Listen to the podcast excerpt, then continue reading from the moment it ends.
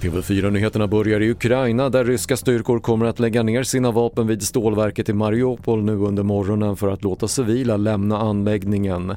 Uppgiften kommer från ryska försvarsdepartementet efter intensiva attacker igår.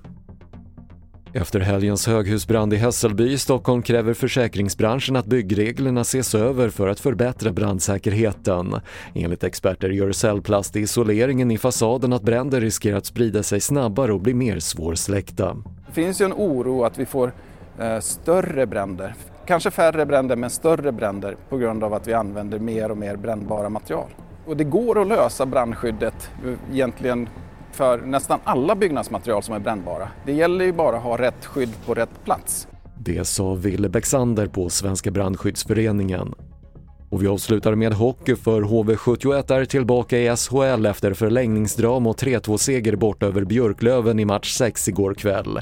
Jönköpingsklubben som åkte ur hockeyns högsta liga för drygt ett år sedan är nu tillbaka efter 4-2 i matcher. Fler nyheter hittar du på TV4.se. Jag heter Patrik Lindström.